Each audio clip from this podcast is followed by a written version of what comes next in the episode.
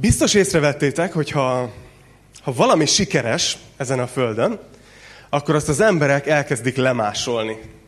Az egyik első emlékem erről, amikor egyszer nagyon szerettem volna egy puma cipőt, és mondták, hogy a, majd ha Erdélybe mész, akkor vegyél, mert ott vannak ezek a piacok, és ott nagyon olcsó lehet puma cipőt venni. És én el is mentem, és meg is vettem, és nagyon olcsó volt. És örömmel vittem haza, hogy de jó, végre van egy normális cipőm. És amikor haza mentem, és közelebbről megnéztem, akkor láttam, hogy az van ráírva, hogy Piuna. Tudjátok, hogy ugyanazt a formát adta ki, mint hogyha az lett volna, vagy Puma. Csak hát ez egy másolat volt. De néztem, a, talán két héttel ezelőtt így a, a YouTube feldobott egy ilyen filmet is, ami a, a Coca-Cola receptjéről szól. Na, az egy titokzatos dolog, igaz? Tehát, hogy az a fura, hogy ahol tiszta ivóvíz nincs a földön, Coca-Colát ott is lehet kapni. És az emberek, amióta létezik ez a recept, találgatják, hogy miből lehet vajon. És a dokumentumfilmben bemutatták, hogy két külön helyen gyártják ennek a szirupnak, ami az alapja, a két komponensét, azért, hogy véletlenül se egy helyen készüljön el az egész, mert akkor le lehet koppintani, hanem valahogy nagyon elszeparáltan, külön helyen gyártanak két komponenst, amit utána bevisznek a gyárba, összekeverik, és, és higítják, és széndiokszidot raknak bele, és ebből születik meg a, a mi fantasztikus italunk. Igazából ez a kívánsági elképe, mert ebből ma már nem iszok, az előbb a fiam úgy felrúgta, hogy szerintem ezt most három óráig nem szabad kinyitni. De hogy eh, el, elkészül a kóla, és, és nem tudja senki receptjét, vannak ilyen legendák, amire a szóvivő azt mondta, hogy sem megerősíteni, sem cáfolni, nem tudom. Vannak ilyen legendák, hogy, hogy két ember tudja a receptet, és ők nem ülhetnek egyszerre egy repülőn, meg nem nagyon tartózkodhatnak egy helyen egyszerre. Szóval, hogy ami, ami, ami jól működik, ami jó, azt az emberek megpróbálják lemásolni. Próbálják kitalálni, hogy mi a receptje. Próbálják kitalálni, hogy mi, mik az összetevői, hogy készül ez. És vannak ilyen kóla receptek a neten is egyébként, hogy nem tudom, összekeversz, nem tudom, autógumit, meg nem, nem, nem. De hogy, de hogy van, vannak receptek. Nem tudom, hogy ahogy, ahogy vesszük az abcselt fejezetről fejezetre, felmerül-e bennetek az a gondolat, hogy vajon Pálapostolnak mi volt a receptje a szolgálatban. Mert nem tudom, hogy nektek is olyan vonzó, mint nekem, hogy csak megy városról városra, és hirdeti az evangéliumot, és azt látjuk, hogy, hogy emberek térnek meg, és alakulnak gyülekezetek, amik utána misszionáriusokat küldenek ki. Tehát azt látjuk, hogy Pál nagyon sikeres a szolgálatában. És nem tudom, hogy vagytok-e így néha, hogy vajon mi volt Pálnak a titka, mi az a recept, ami, ami miatt ő ennyire sikeres volt. És az a szerencsés helyzetünk van ma, hogy csak, csak ma, akik eljöttetek, ti megtudjátok. De a közvetítés most leállítjuk, nem, viccelek. Szóval ebben a részben, ami most következik, ezt fogjuk látni. Ugye azt láttuk, hogy a harmadik missziós útját fejezi be Pálapostól, és tart vissza Jeruzsálembe, de útközben, ugye nem így tervezte, de újra Efézus környékén hajózik el, de tudta, hogy ha ő most megáll Efézusban, ebben a gyülekezetben ő mint annyira szeretett, annyira szívéhez nőtt, akkor nem tud onnan hetekig szabadulni. Tudjátok, olyan, mint amikor csak beugrok öt percre valakihez. Olyan nincs. Tudta Pál, hogy ha Efézusba beugrik, akkor az egy sok hetes tartózkodás lesz. De mégis akart szolgálni az efézusi gyülekezet felé, úgyhogy úgy döntött, hogy magához hivatja az efézusi gyülekezet véneit, és tart nekik Milétoszban, ami 30 kilométerre, tehát múlt, múltkori tanításban azt mondtam, hogy 30 méterre, nem. 30 kilométerre volt Efézustól, és oda hívja őket, és tart nekik egy ilyen nagyon gyors szolgálati konferenciát. A szolgálata alap elveiről beszél nekik. És, és ebbe fogunk ma belehallgatni. Nem tudom, hogy, hogy azért mennyire kiváltság, nem? Tehát, hogy Pálapostól, a nagyapostól beszél az efézusi gyülekezet vezetőihez, és mi pedig belehallgatózhatunk, hogy miről van szó. Talán hallottátok a hírt a héten, hogy az egyik legismertebb magyar lelkipásztor, Kubinyi Karesz, motorbalesetben elhunyt, és, és hazaköltözött, és, és persze ilyenkor én is, én is fölmentem újra a, a, a csatornájára, és kezdtem nézni, belenézni tanításokba, és láttam, hogy, hogy az utolsó tanítása, az így, annak a nézettsége így az egekbe szökött. Mert amikor valaki búcsúzik, Ugye ő neki nem adatott ez meg, hogy így tudja, hogy megy el, és, és búcsúzik.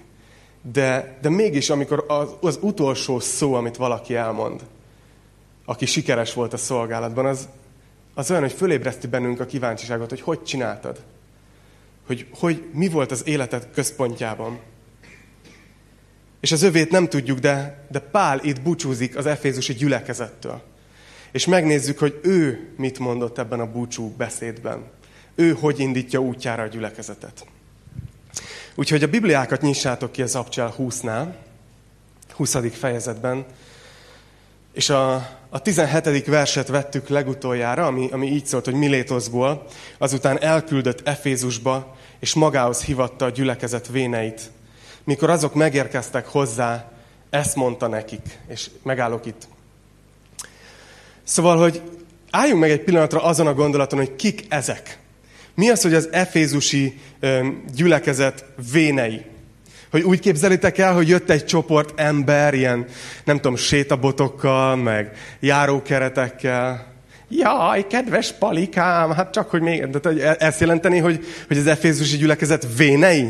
Ugye nagyon idős embereket kell elképzelni, ugye tudjátok, hogy nem. Hanem az, hogy valaki gyülekezeti vén, azt nagyjából úgy lehet magyarra fordítani, hogy, hogy érett gyülekezeti vezető. Tehát ezek voltak azok az emberek, akik a hitben érettek voltak, és az efézusi gyülekezetet vezették. És ez a rész, mivel Pál beszél a vezetőkhöz, a vezetésről szól. Gyülekezet vezetésről. És lehet, hogy itt ülsz, és azt gondolod, hogy ám, akkor miért pont ma jöttem el, én nem vagyok gyülekezeti vezető. Én nem, nem, nem, lehet, hogy azt mondod, hogy én nem is merészkedtem odáig, hogy beálljak valamilyen szolgálatba, akkor most mit szól nekem ez a rész? De figyeljetek oda! Négy dolog miatt is nektek szól ez. Egyrészt, mert nem tudjátok, egyikőtök sem, hogy mikor hív el az Úr ilyen szolgálatra. És remélem, hogy olyan szívvel vagytok, hogyha ő hív, akkor megyek. És ezért nem árt, nem árt tanulnod erről, hogy milyen az Isten szíve szerinti vezetés. A másik az az, hogy lehet, hogy a gyülekezetben nem, de ha mondjuk szülő vagy, akkor a családodban biztos, hogy vezető vagy. Illetve ha keresztényként jársz a, veze- a, a, a világban, képviselsz egy hozzáállást, és ezért nagyon nem mindegy, hogy hogyan csinálod ezt.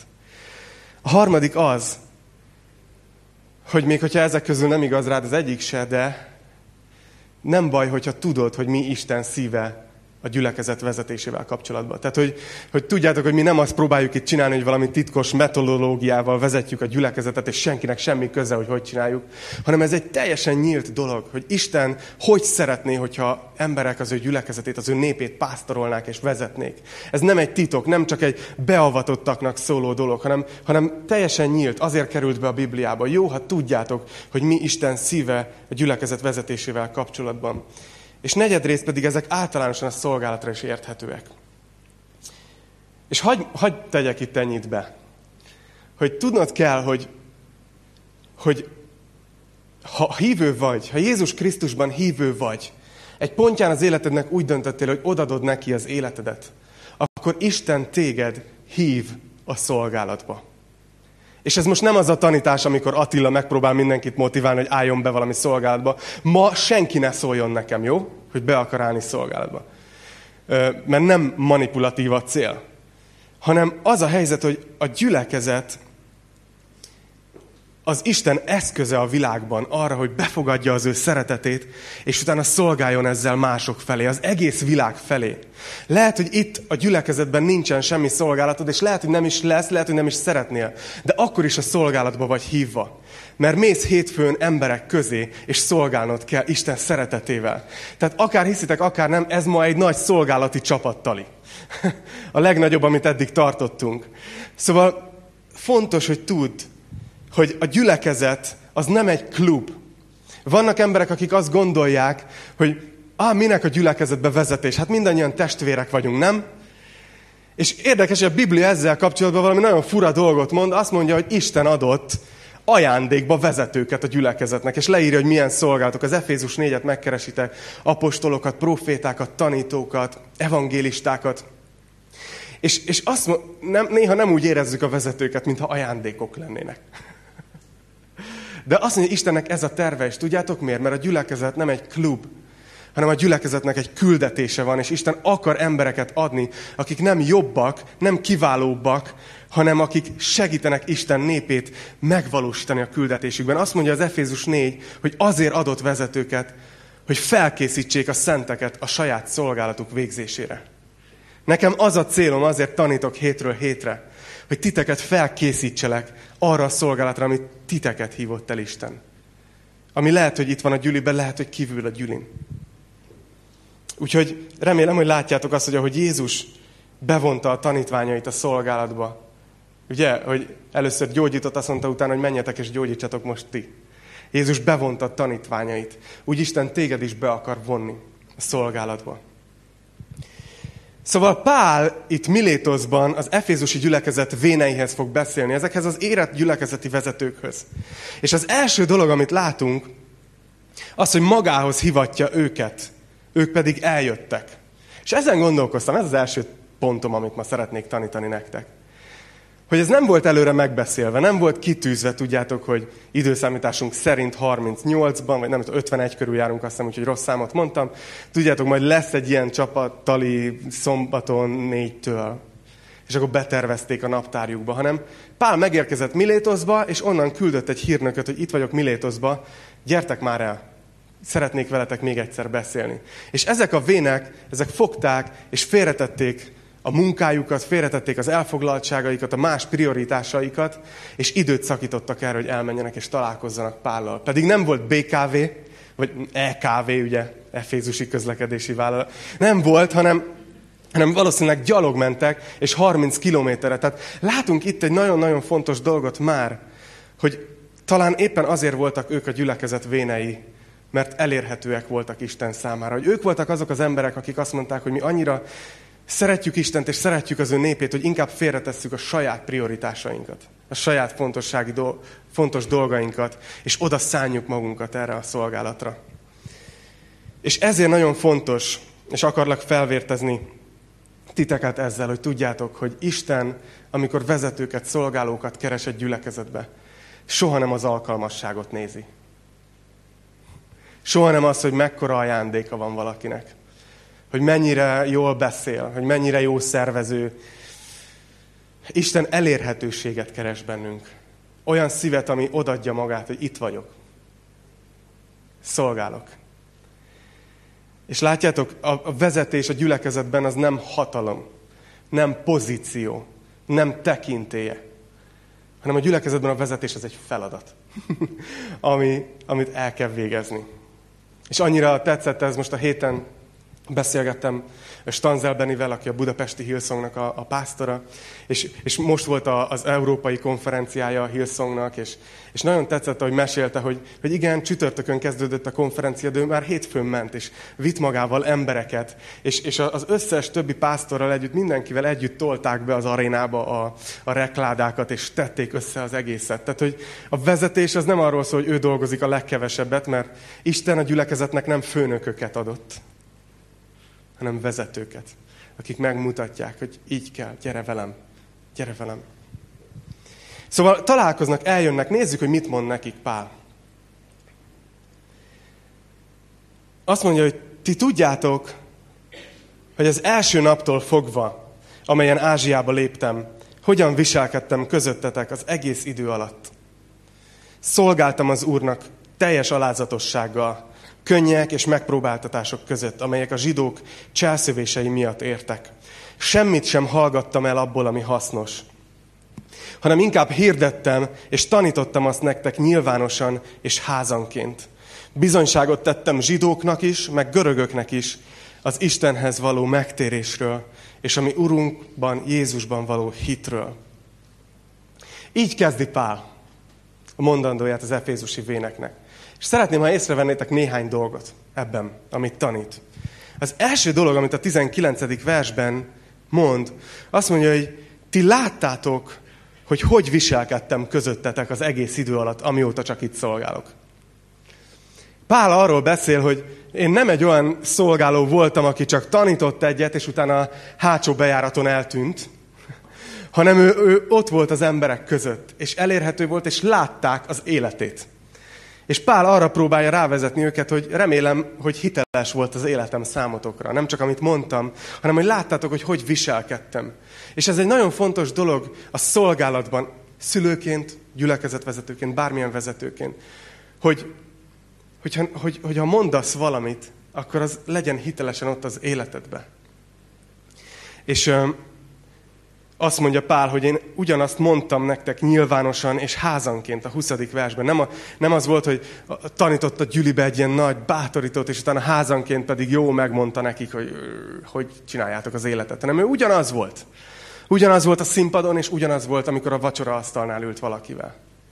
És azt is mondja ez a második dolog a vezetésről, 19. versben, hogy hát ez sok megpróbáltatás között tettem, hogy ez nem volt könnyű.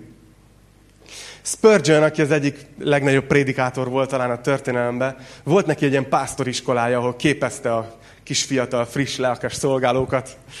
És minden alkalommal úgy kezdte, hogy ez volt az első lecke, hogy azt mondta, hogy ha bármi mást tudsz kezdeni az életeddel, akkor most kérlek, hogy állj fel és menj, és inkább csinálj mást. Mert ez egy ökörnek való munka. és megvárta, hogy van-e olyan, aki föláll és elmegy. És Pál is ezt mondja, hogy figyeljetek, lehet, hogy jól néz ki egy Pál apostol, Istentől rendelt, elhívott apostol, üdvözletemet küldöm nektek ide meg oda, meg... de azt mondja, ez nem könnyű. Sok könny, sok megpróbáltatás között szolgáltam közöttetek. Azt mondja, és ezt tetszik nekem, hogy, hogy azt mondja a 19. versben, hogy szolgáltam az Úrnak. Ha megnézted Pálapostól szolgálatát, hogy mit csinált így hétről hétre, az az, hogy embereket tanított. Azt a következtetést vonhattad le volna, következtetést lehetett volna levonni, őt szemlélve, hogy, hogy ő nagyon szereti az embereket, és ő nagyon szolgál az emberek felé, kiteszi a szívét az emberekért. De Pál azt mondja, figyeljetek, igen, ez, ez így néz ki kívülről, de én ezt az egészet az Úrnak csináltam. Én az Úrnak szolgáltam.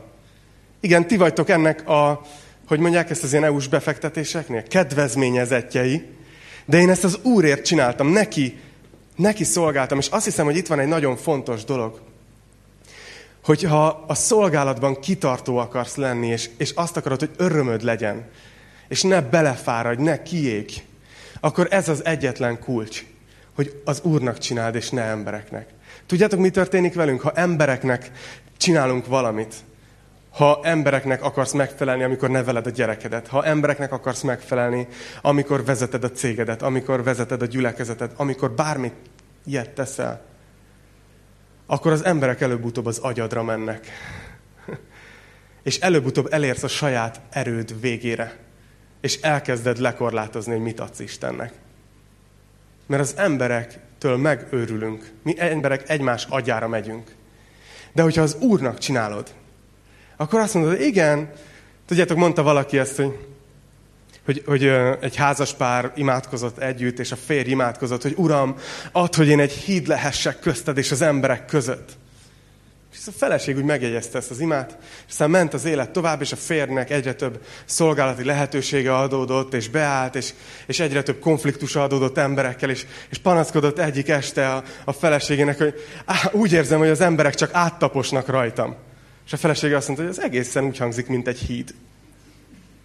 Tudjátok, hogy néha, néha elfelejtjük ezt, hogyha az Úrért vagy híd, akkor igen, lesznek, akik áttaposnak rajtad. És Kit érdekel, ha az Úrnak csinálod? Azt mondja Kolossé 3.23-ban Pál, hogy amit tesztek, jó lélekkel végezzétek. Mert azt mondja, hogy lehet úgy tenni a dolgokat, hogy nem jó a lelked.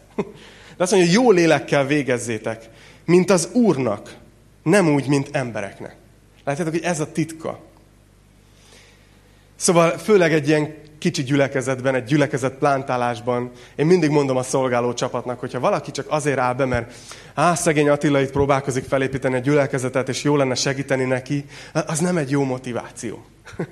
Ha azért állsz be, hogy nekem segíts, akkor, akkor ne segíts. Ha az Úrért teszed, akkor, akkor gyere. Mert akkor leszel kitartó, akkor lesz tartós örömöd ebben, akkor fogsz tudni menni előre. És még egy dolgot szeretnék kiemelni, és utána tovább megyünk hogy azt mondja Pál 19. versben, hogy én szolgáltam az Úrnak teljes alázatossággal. Ha belegondoltok Pálba, Pál egy, egy brilliáns jogász volt. Jeruzsálemben, valaki ezt kibontja nekem? Ki nem fér, hogy le? Tessék, John, te bevállalós. Ő egy brilliáns jogász volt. Jeruzsálem, csak óvatosan lassan. Jeruzsálemben Gamáliel lábánál nőtt fel. Gamálielt úgy nevezték Izraelben, hogy Izrael világossága. Tehát Pál a legmagasabban képzett, legjobb ember volt. Oh, köszönöm szépen. Ez az ember volt az, aki úgy ismerte a, a törvényt, ahogy senki más. Úgy ismerte az írásokat, mint senki más. És ez az ember, aki ott lehetett volna Jeruzsálemben, és tarthatott volna előadásokat, megalapíthatta volna, tudod, hogy Pál Ministries, és megtömhette volna a legnagyobb előadó helységeket, és kiadhatott volna könyveket, és, és nem tudom, akármit csinálhatott volna, ez az ember, ez elment, és sok-sok ezer kilométert gyalogolt poros utakon, szerte a római birodalomba, és beszélt olyan emberekhez, akiknek nem az volt a kérdésük, hogy a törvényben ezt a betűt és ezt a szót hogy kell értelmezni, hogy inkább így, vagy inkább úgy, ahol Pál tudott volna szolgálni, hanem akik azt mondták, hogy Isten, he? Értitek, hogy Pál ilyen emberek felé szolgált. És ezt úgy tette, azért, én meg vagyok győződve arról, hogy nem azért tette ezt, mert meg, ő leereszkedett, és na jó, én ugyan nagyon nagyszerű vagyok, de én leereszkedek hozzátok, büdös pogányokhoz, és most tanítalak titeket az igazságról, és remélem megbecsülitek. Hanem szerintem Pál azt értette meg az evangéliumban, hogy minden képzettségével, minden előjogával, mindennel együtt is ő egy ugyanolyan ember, mint ők. Hogy ő nem jobb nem leereszkedett. Ő csak szolgált feléjük, mint, mint más emberek felé. Azt mondja Pál, hogy, hogy teljes alázatossággal. Ezért nagyon gyanús az, amikor valaki úgy áll a szolgálathoz, hogy, hogy hát, én nekem ezek meg, ezek meg, ezek az ajándékaim, úgyhogy szeretnék szolgálni. Mert a Golgotában ez még egy ilyen alapelv is egyébként, hogy, hogy senki nem kap egyből látványos szolgálatot, hanem, hanem kezdje ezt szolgálni. Mutasd meg, hogy tényleg az Urat akarod szolgálni. És utána kapsz olyan helyet, ami igazán az ajándékaidnak megfelel. És Pál ezt mutatta, hogy ő teljes alázatossággal szolgált. Szóval ezt mondja az Efézusi véneknek, és nézzük tovább a 22. verstől. Egészen a 27-ig fel fogom olvasni. Figyeljétek meg, képzeljétek bele magatokat, jó? Ott vagytok Milétoszban, és Pál tartja a beszédet. És eddig arról beszélt, hogy ő hogy szolgált közöttük. És most a jövőről kezd beszélni. Azt mondja, hogy és most íme én a lélektől kényszerítve megyek Jeruzsálembe. Hogy miért ott engem, nem tudom. Csak azt, hogy a Szentlélek városról városra bizonyságot tesz, hogy fogság és nyomorúság vár rám. De én mindezekkel nem gondolok. Sőt, még az életem se drága. Csak hogy elvégezhessem a futásomat, és azt a szolgálatot, amelyet az Úr Jézustól azért kaptam, hogy bizonyságot tegyek az Isten kegyelmének evangéliumáról. És most tudom, hogy közületek, akik között jártam, az Isten országát építve, Többé nem látja arcomat senki. Ezért bizonyságot teszek előttetek a mai napon, hogy én mindenki vérétől tiszta vagyok. Mert nem vonakodtam attól, hogy hirdessem nektek az Isten teljes akaratát. Az, amit itt olvasunk, az nekem így, az agyamat így fölrobbantja. Tudjátok miért? Mert nem azt mondja Pál, hogy én szolgálom az Urat, és nagyon remélem, hogy cserébe ő ad nekem jólétet. Cserébe elrendezi a problémáimat, megoldja a gondjaimat, megszabadít a problémás emberektől. Biztonságot ad nekem, és egészséget, és jólétet. És ezért én szolgálom az Urat még hűségesebben. Hanem Pál azt mondja, hogy konkrétan tudom, hogy most mi jön. Tudom, hogy a Szentlélek városról városra mondja nekem, hogy ami nekem most következik, az fogság és nyomorúság. És Pál nem begubózik. Nem azt mondja, hogy akkor eddig tartott a szolgálatom, ezek szerint Isten ennyire becsült. Hanem azt mondja, hogy én, én, én ezzel nem is, nem is foglalkozok. Sőt, az életem se drága hanem egyetlen egy prioritásom van, hogy elvégezzem azt a feladatot, amit Isten nekem adott. Hogy bizonyságot tegyek az ő kegyelmének az evangéliumáról. Tudjátok, mindig fura, amikor, amikor, és nem ítéletként mondom, de amikor azt hallom keresztényektől, hogy, hogy mérges vagyok Istenre. Lehet, hogy már én is mondtam ilyet. De ahogy tanulmányoztam ezt az igét, így kicsit így, így szíven döfött, hogy oppá. Általában akkor haragszunk Istenre, amikor nem úgy alakulnak a dolgok, ahogy szeretnénk. Amikor nem jön össze az, amire vágytunk. Amikor hiába imádkozunk valamiért, nem adja meg. Amikor hiába ö, vagyunk hűségesek, nem jön az, amire annyira vártunk. Amikor rosszabbul mennek a dolgok. Talán még rosszabbul mennek a dolgok, mint hogyha nem is hinnék Istenbe. Nem tudom, hogy vagytok-e így néha, hogy hallgatjátok az evangéliumot, hogy csak higgy Jézusban, és az életed szuper lesz. És aztán nagyon sokan vagytok, akik bizonyságot tudnátok róla tenni, hogy megtértetek, és az életetek nem könnyebb lett, hanem nehezebb.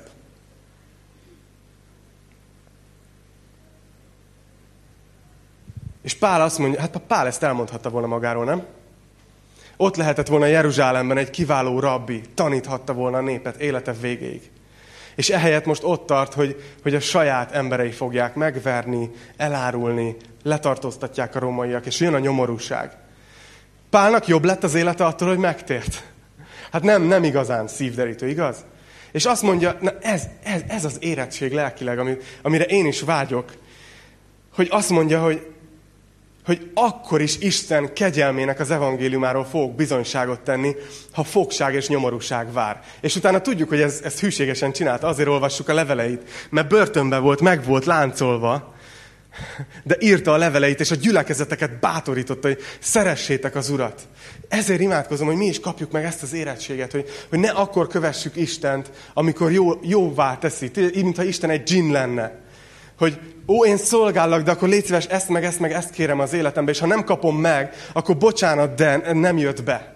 Úgy nem fordítok hátat, de nem vagyunk jóba. hanem hogyha ott lenne bennünk is ez az érettség, hogy igen, lehet, még az is lehet, hogy nyomorúság vár rám, az is lehet, hogy fogság. De nekem ez nem érdekel, csak az, hogy, hogy azt a szolgálatot, amit Istentől kaptam, azt, azt bevégezhessem, hogy beszélhessek az ő kegyelméről, akkor is, ha az én lábamon bilincs van. Mi, milyen durva. És Pál azt mondja, hogy nekem, mivel tudom, hogy most utoljára találkozunk, ezért fontos, hogy tudjátok, hogy tiszta a lelkiismeretem. Azt mondja, hogy én, én mindenki vérétől tiszta vagyok, ezt ilyen így fogalmazta meg. És miért mondhatta ezt? Azért nem tudom, hogy vagytok-e, akik mondjuk mellettem szolgáltok, mondjuk úgy egy pár hónapja már legalább, azért biztos néha akadtatok ki rám. Mert csinálok dolgokat, ami, ami a Robi nagyon rázza a fejét, úgyhogy... Szerintetek Pál körül nem volt ilyen? Ő is biztos került konfliktusba emberekkel, ő is biztos tehát, hozott rossz döntéseket időnként. Biztos sokkal több, többet hozok én, mint ő. De, de mégis azt tudta mondani itt, amikor búcsúzik, hogy tiszta a lelkiismeretem. És miért? Miért mondhatta ki ezt? És azt hiszem, hogy azért, amit itt a 27. versben mond, hogy mert, mert nem vonakodtam attól, hogy hirdessem nektek az Isten teljes akaratát. Vagy amit a 20. versben mond, kicsit korábban olvastuk, hogy, hogy én, én nem hallgattam el semmit abból, ami hasznos. Hogy Pál nem úgy építette fel a tanításait, hogy na nézzük, mi az, amilyen jó, inspiráló lenne, ilyen bátorító, tudod?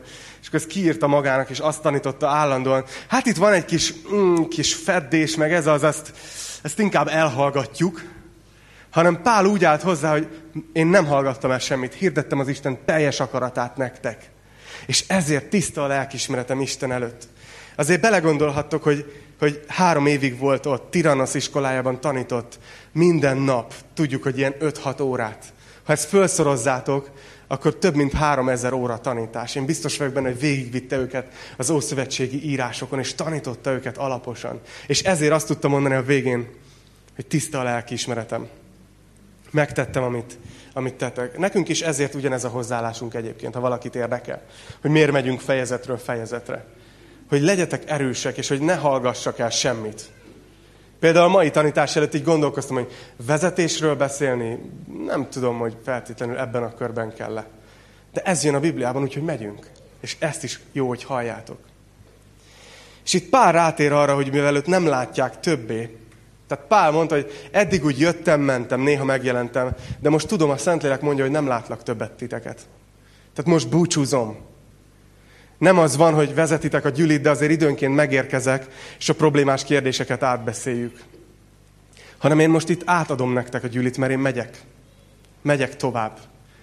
És nézzétek, hogy mit mond nekik a jövőről. Az utolsó szó jogán. Azt mondja, hogy viseljetek gondot tehát magatokra, és az egész nyájra, amelynek őrizőivé tett a Szentlélek titeket. Hogy legeltessétek az Isten egyházát, amelyet tulajdon vérével szerzett.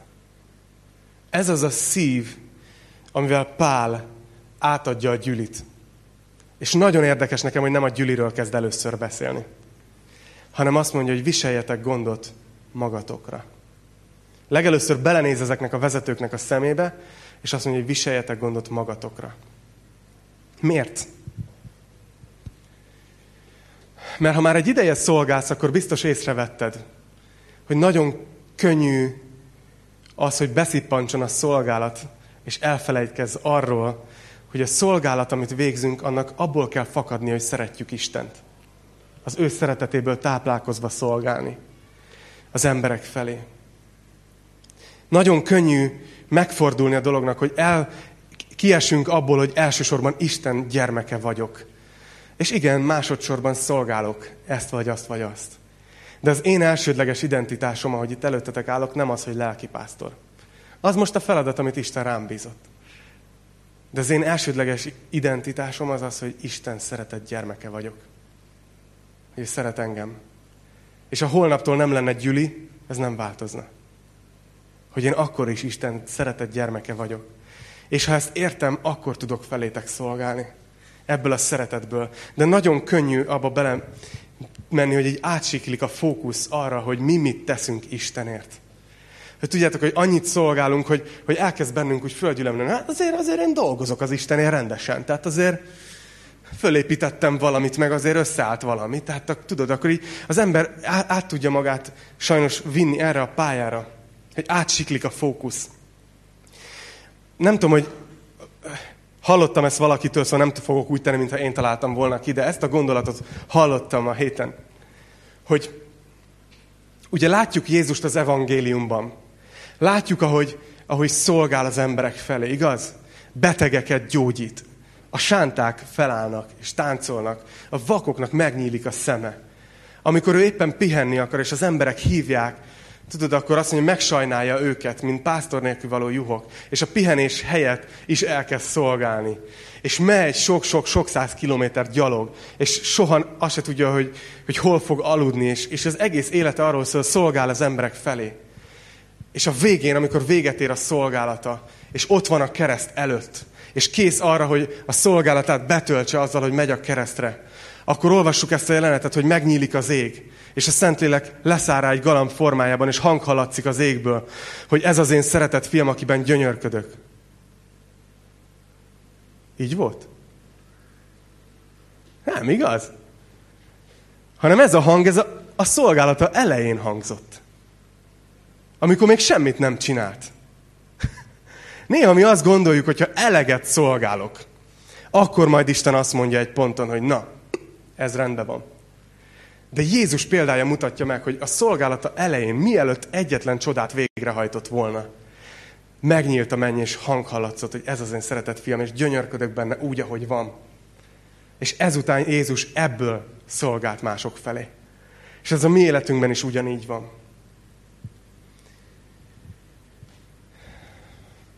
Tudjátok, mi hajlamosak vagyunk erre. Szolgálunk, szolgálunk. Pintér Béla énekli ezt a, az egyik számában, talán ismeritek ezt a sort, hogy, hogy állj be a sorba, csináld, amit a rendszer kíván. Vigyázz, hogy el ne hibázd. Sokszor így vagyunk keresztényként. De tudnod kell azt, hogy akár szolgálsz, akár nem, Isten szeretett gyereke vagy. És ebbe kell megerősödnöd. Talán profétikus is ez, amit itt Pál mond az Efézusi véneknek, hogy viseljetek gondot magatokra. Mert a jelenések könyvében olvasunk egy levelet, amit Jézus ír majd ennek a gyülekezetnek, az efézusi gyülekezetnek. Emlékeztek erre, hogy ott hét gyülekezetnek Jézus mond valamit. És az egyik gyülekezet az pont ez, akinek a vezetőségével most Pál beszél. És mondja nekik, hogy vigyázzatok magatokra, viseljetek gondot magatokra. És ott ezt mondja nekik Jézus, hogy tudok a cselekedeteidről, fáradozásodról és az álhatatosságodról. Tudom, hogy, hogy álhatatos vagy, terhet viseltél az én nevemért, és nem fáradtál meg. De az a panaszom ellened, hogy nincs meg már benned az első szeretet. És a Jézus folytatja, és, és azt mondja, hogy, hogy térj meg ebből. Menj vissza az első szeretethez, mert ha nem, akkor kimozdítom a gyertyatartódat.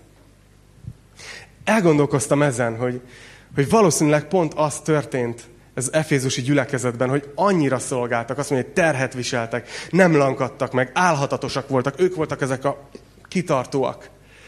Csak éppen már az első szeretet, hogy azért csináljuk az egészet, mert Isten annyira szeret minket. És elfogadott minden cselekedet nélkül, Krisztus áldozata miatt.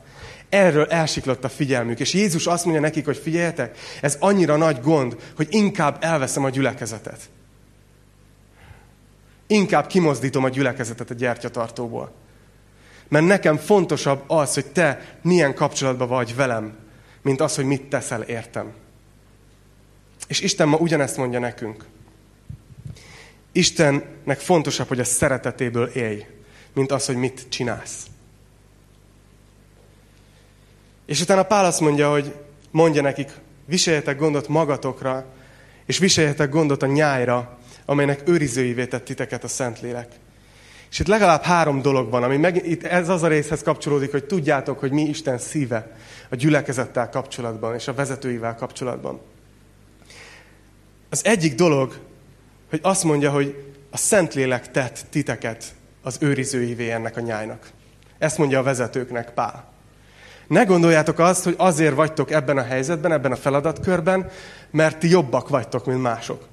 Ne gondoljátok azért, hogy menők vagytok, ahogy az Adél szokta fogalmazni, ez a szavajárás, hogy apu, menő vagy, vagy nem vagy menő.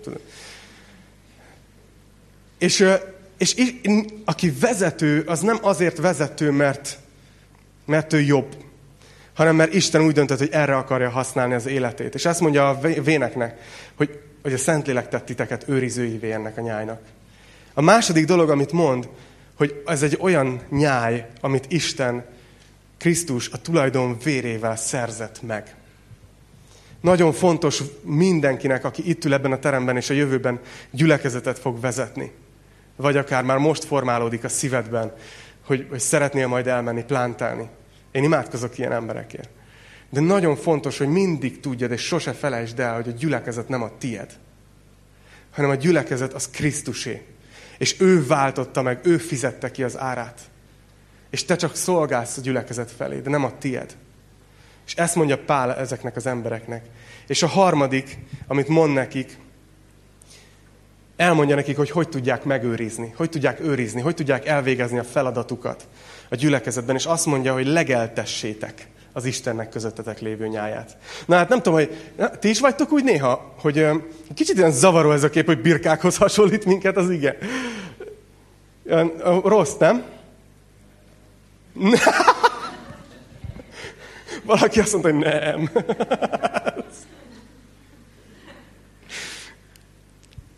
Ez mekkora... Jó, tényleg beteszünk majd mikrofonokat így a, a gyűli közé is, hogy reakciók is hallatszanak utólag is. De azt mondja Pál ezeknek a vezetőknek, hogy a ti feladatotok, mint vezetők, az elsősorban az, hogy legeltessétek az Isten nyáját. Magyarul legyenek szellemileg jól tápláltak. Legyenek egészségesek. Hogy biztosítsatok olyan legelőt, ahol jól tudnak lakni, és egészséges kaját esznek. Ez a feladatotok. És talán nekem itt állt össze, hogy mi történik Jézus és Péter között a János 21-ben. Emlékeztek erre a jelenetre, amikor Jézus feltámad, Péter elmegy halászni, és Jézus egyszer csak megjelenik a parton, és észreveszik, hogy Jézus az, és így Péter kiúszik, a többiek kielveznek, tipikus. És utána elkezdenek, elviszi Péter Jézus külön. Beszélgessünk egy kicsit, Peti. És sétálnak a parton. És Jézus, tudjátok, fölteszi ezt, amit ismerünk, hogy háromszor megkérdezi azt, hogy szeretsz engem? Különböző módokon teszi fel a kérdést. Egy ponton azt kérdezi, hogy szeretsz engem ezeknél inkább? És érdekes, hogy mindháromszor, amikor Péter azt mondja, hogy szeretlek, Uram, tudod, hogy szeretlek, akkor Jézus azt mondja, hogy akkor legeltesd a bárányaimat. Rád bízom a juhaimat. Így mondja Jézus. Hogy összeköti azt azzal, hogy Péter, ha te megmaradsz az első szeretetnél, ha szeretsz engem, akkor én rád bízom, hogy legeltesd a népemet. Akkor rád bízom, hogy, egy szellemileg adj nekik táplálékot. Úgyhogy talán Pál is ugyanerre bátorítja itt a Milétoszi véneket, hogy viseljetek gondot magatokra, és a nyájra legeltessétek. Ne felejtsétek el, hogy Istené. Ne felejtsétek el, hogy a Szentlélek hívott el, hogy szolgáljatok feléjük, és adjatok nekik szellemileg olyan táplálékot, amitől érettek és egészségesek lesznek. Utána elkezd Pál még a jövőről beszélni, és ezzel fogjuk befejezni. Felkészíti őket arra is, hogy mi következik most, hogy őt már nem fogják többet látni. És ezt mondja, hogy tudom, 29. vers, hogy a távozásom után ragadozó farkasok jönnek közétek, akik nem kimélik a nyájat. Sőt, és így elképzelem, hogy belenéz a szemükbe a vezetőknek, és azt mondja, hogy közületek is támadnak majd férfiak, akik hazugságokat beszélnek. Hogy magukhoz vonzák a tanítványokat. Vigyázzatok azért, és emlékezzetek arra, hogy három évig, éjjel és nappal, szüntelenül, könnyek között intettelek minnyájatokat. Látjátok, hogy, hogy erről kezd Pál beszélni, hogy tudom, hogy elmegyek. És tudom, hogy jönni fognak ragadozó farkasok a gyülekezetbe. Sőt, közületek is lesznek olyan férfiak, akik ilyenné válnak. És nagyon fölmerülhet bennünk, nem, hogy de honnan, honnan ismerjük meg, hogyha ide a kis tartsai Golgotában megérkezik egy farkas? Mi a különbség az igazi pásztor és mi a különbség a farkas között? És nagyon tetszik nekem, ahogy Greg, Greg Opin megfogalmazta ezt, kb. tíz évvel ezelőtt, de nem bírom kiverni a fejemből. Azt mondta, hogy a pásztor az a szolgálatot, amit Isten adott neki, arra használja, hogy fölépítsen minél több embert. A farkas az arra használja az embereket, hogy fölépítsék az ő szolgálatát. És ez egy nagyon fontos dolog. Ugyanezt mondja itt Pál, hogy olyan emberek támadnak majd közületek, akik magukhoz akarják vonzani a tanítványokat. Hogy a lényeg az ego. Hogy te legyél itt mellettem, én, én tőled akarok kapni valamit. És ez a farkasnak a szíve. Hogy járjál ide, mert nekem szükségem van rád. Akarok tőled valamit kapni. És van, van többféle farkas, elneveztem ezeket tekintélyfarkasnak. Az egyik típusú farkas az a az a tanító, az a szolgáló, aki, aki azt mondja, hogy te engedelmeskedj nekem, és ismerj el engem, mert én akkor érzem magam biztonságban, ugye? Mert magamtól bizonytalan vagyok, erőtlen vagyok, és, és úgy érzem, hogy szükségem van rád, hogy te engem tisztelj, mert én abból élek, hogy te engem tisztelsz. Na ez a tekintélyes farkas. Van a másik típusú farkas, a pénzes farkas, akinek dollárjel van a szemébe, és aki, aki az embereket azért örül, hogy minél többen vannak, mert annál jobban él ő belőlük. Sajnos nagyon sok ilyen példa van, nem is akarok belemenni. De azt mondja, az a lényeg, hogy a farkas eszközt lát az emberekben, hogy fölépítsék az ő önértékelését, tekintés anyagi helyzetét, bármilyen. A, a másik, aki igazán Isten szíve szerint szolgál, az, az mindent Istenért tesz. És azt mondja, hogy nekem nincs más célom, csak hogy minél több embernek az életére pozitív hatással legyek az evangéliummal, az igével, hogy fölépítsem az embereket, hogy megváltozzon az életük, hogy megújuljanak, hogy megismerjék az Urat, hogy érett felnőtté váljanak benne. Ne tőlem függjenek mindig minden tanácsért, hanem hogy, hogy épüljenek fel és erősödjenek meg. És tudjátok, az, ez a szolgálat, amit itt csinálunk Kistarcsán, én nagyon remélem, hogy így fog maradni, mert az biztos, hogy így kezdődött. Az biztos, hogy így kezdődött, hogy, hogy csak szolgáltunk az igével emberek felé. És vagyunk, ahányan vagyunk. De én nem azért örülök, amikor szétnézek, és úgy kell kezdeni az Isten tiszteletet, hogy nincs elég szék. Nem azért örülök, mert ó, ekkora jó gyüli ez. Hanem de jó, hogy ma is ennyi embernek az életében van lehetőségem Isten igéjét szólni. És meg fog változni az életetek. Befogadjátok. És tudjátok, iszonyatosan örülök, hogy van egy szolgáló csapat. Nagyon sok ember szolgál a gyülekezetben.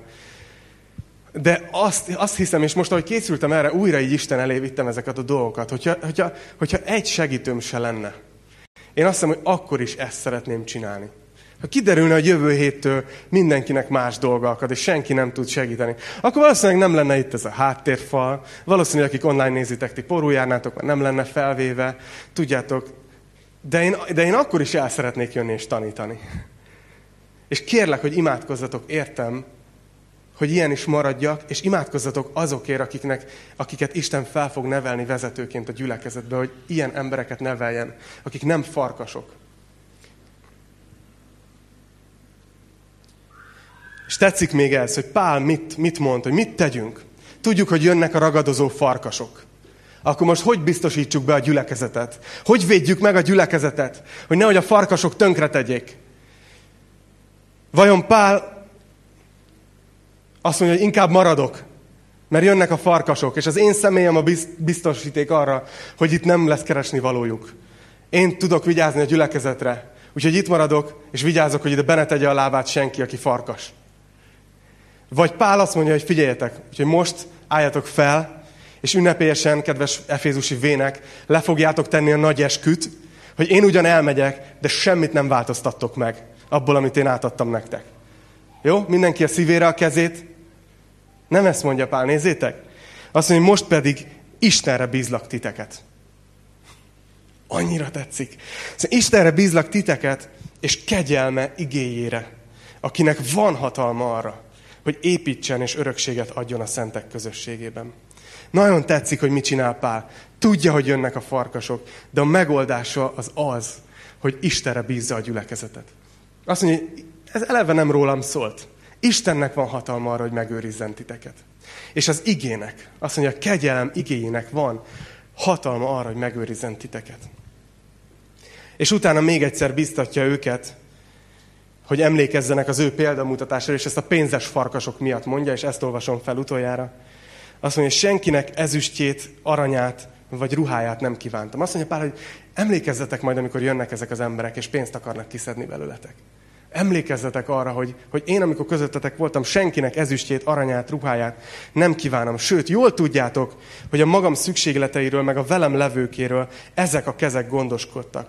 Mindezekben megmutattam nektek, hogy milyen kemény munkával kell az erőtlenekről gondoskodni, megemlékezve az Úr Jézus szavairól, mert ő ezt mondta, nagyobb boldogság adni, mint kapni.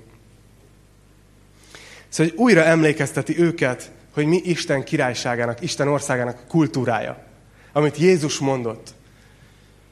Hogy jobb adni, mint kapni. És ez igaz a személyes életünkre. Igaz, igaz hogyha így állsz, Balázs, nem el tudod mondani az üzleti életben, nem? Neked azt hiszem, hogy volt egy ilyen paradigmaváltásod, amikor, amikor azt mondtad, hogy nem az a célod az üzletben, hogy másoktól csak kapjál, hanem hogy hogy tudsz értéket adni. És ez igaz az üzleti életben, de igaz a személyes értékben, hogyha olyan barátságban vagy, aki másiktól mindig csak kapni akarsz, az nem fog működni. Ha úgy jössz be a gyülekezetbe, hogy csak kapni akarsz, én megígérem neked, hogy nem fogsz kapni. Vagy csak kevesebbet, mint hogyha adnál is magadból másoknak. Látod? És tudjátok, hogy miért van ez így, ez az alapelv, hogy jobb adni, mint kapni? Mert, mert erről szól a kegyelem. A központi gondolat itt Pál levelében megint, ahogy beszél, nem is levél ez, csak le lett írva. Azt mondta a 24. versben, hogy nekem nincs más fókuszom, mint hogy elvégezem a feladatot, hogy bizonyságot tegyek a kegyelem evangéliumáról. Itt azt mondja, hogy a kegyelem igényére bízlak titeket. Miért beszél Pál a kegyelemről? Mert a kegyelem az, amikor Isten adott. A vallás logikája az mindig az, hogy Isten mit vár el tőled, mit akar kapni tőled, mit akar te tőled elvenni. A kegyelem logikája, hogy Isten nem kapni, hanem adni akar nekünk. Azt mondja Róma 8.32, hogy aki a tulajdon fiát nem kimélte, hanem minnyájunkért odaadta. Hogy ne ajándékozna nekünk vele együtt mindent? Látjátok? Erre biztatja Pál az efézusi véneket, és én is erre biztatlak ma titeket. Hogy az a kapcsolat, ahol te szívesen elfogadsz dolgokat, az legyen a kapcsolatod Istennel. Mert ő akar neked adni. Akar neked adni szent lelket. Akar adni hitet, erőt, reményt. Akarja azt adni, hogy ha te hiszel az én fiamban, akkor én, az én szememben teljesen igaz vagy. Nincsen semmilyen kárhoztató ítélet ellened többet. Ezt mondja nekünk Isten, hogy oda akarom adni azt az igazságot ajándékba, ami Jézus Krisztusé. Érted ezt, hogy nem kell megfelelnem azt, hogy odadom, és te mostantól olyan igaz vagy a szememben, mint Jézus Krisztus. Isten azt mondja, hogy jobb adni, mint kapni. És ezért ő ezt akarja adni nekünk. Fogadjuk ezt el. És hogyha elfogadtuk, hogyha tényleg elhiszed, hogy Isten szeret téged, és ez kezdi túlbuzogni benned, hogy úgy érzed, hogy ezt már nem bírom magamba tartani, akkor kezdj el szolgálni. Mert szolgálatban vagyunk hívva. De nem fordítva van. Hát ezzel szerettelek volna bátorítani titeket. És itt Pál befejezte a beszédét, és nagyon, nagyon nagy reakciókat fog kiváltani a vénekből. És ez is egy szuper rész. Úgyhogy ezt fogjátok jövő héten megnézni a Szabó Zolival. Jó, imádkozzunk.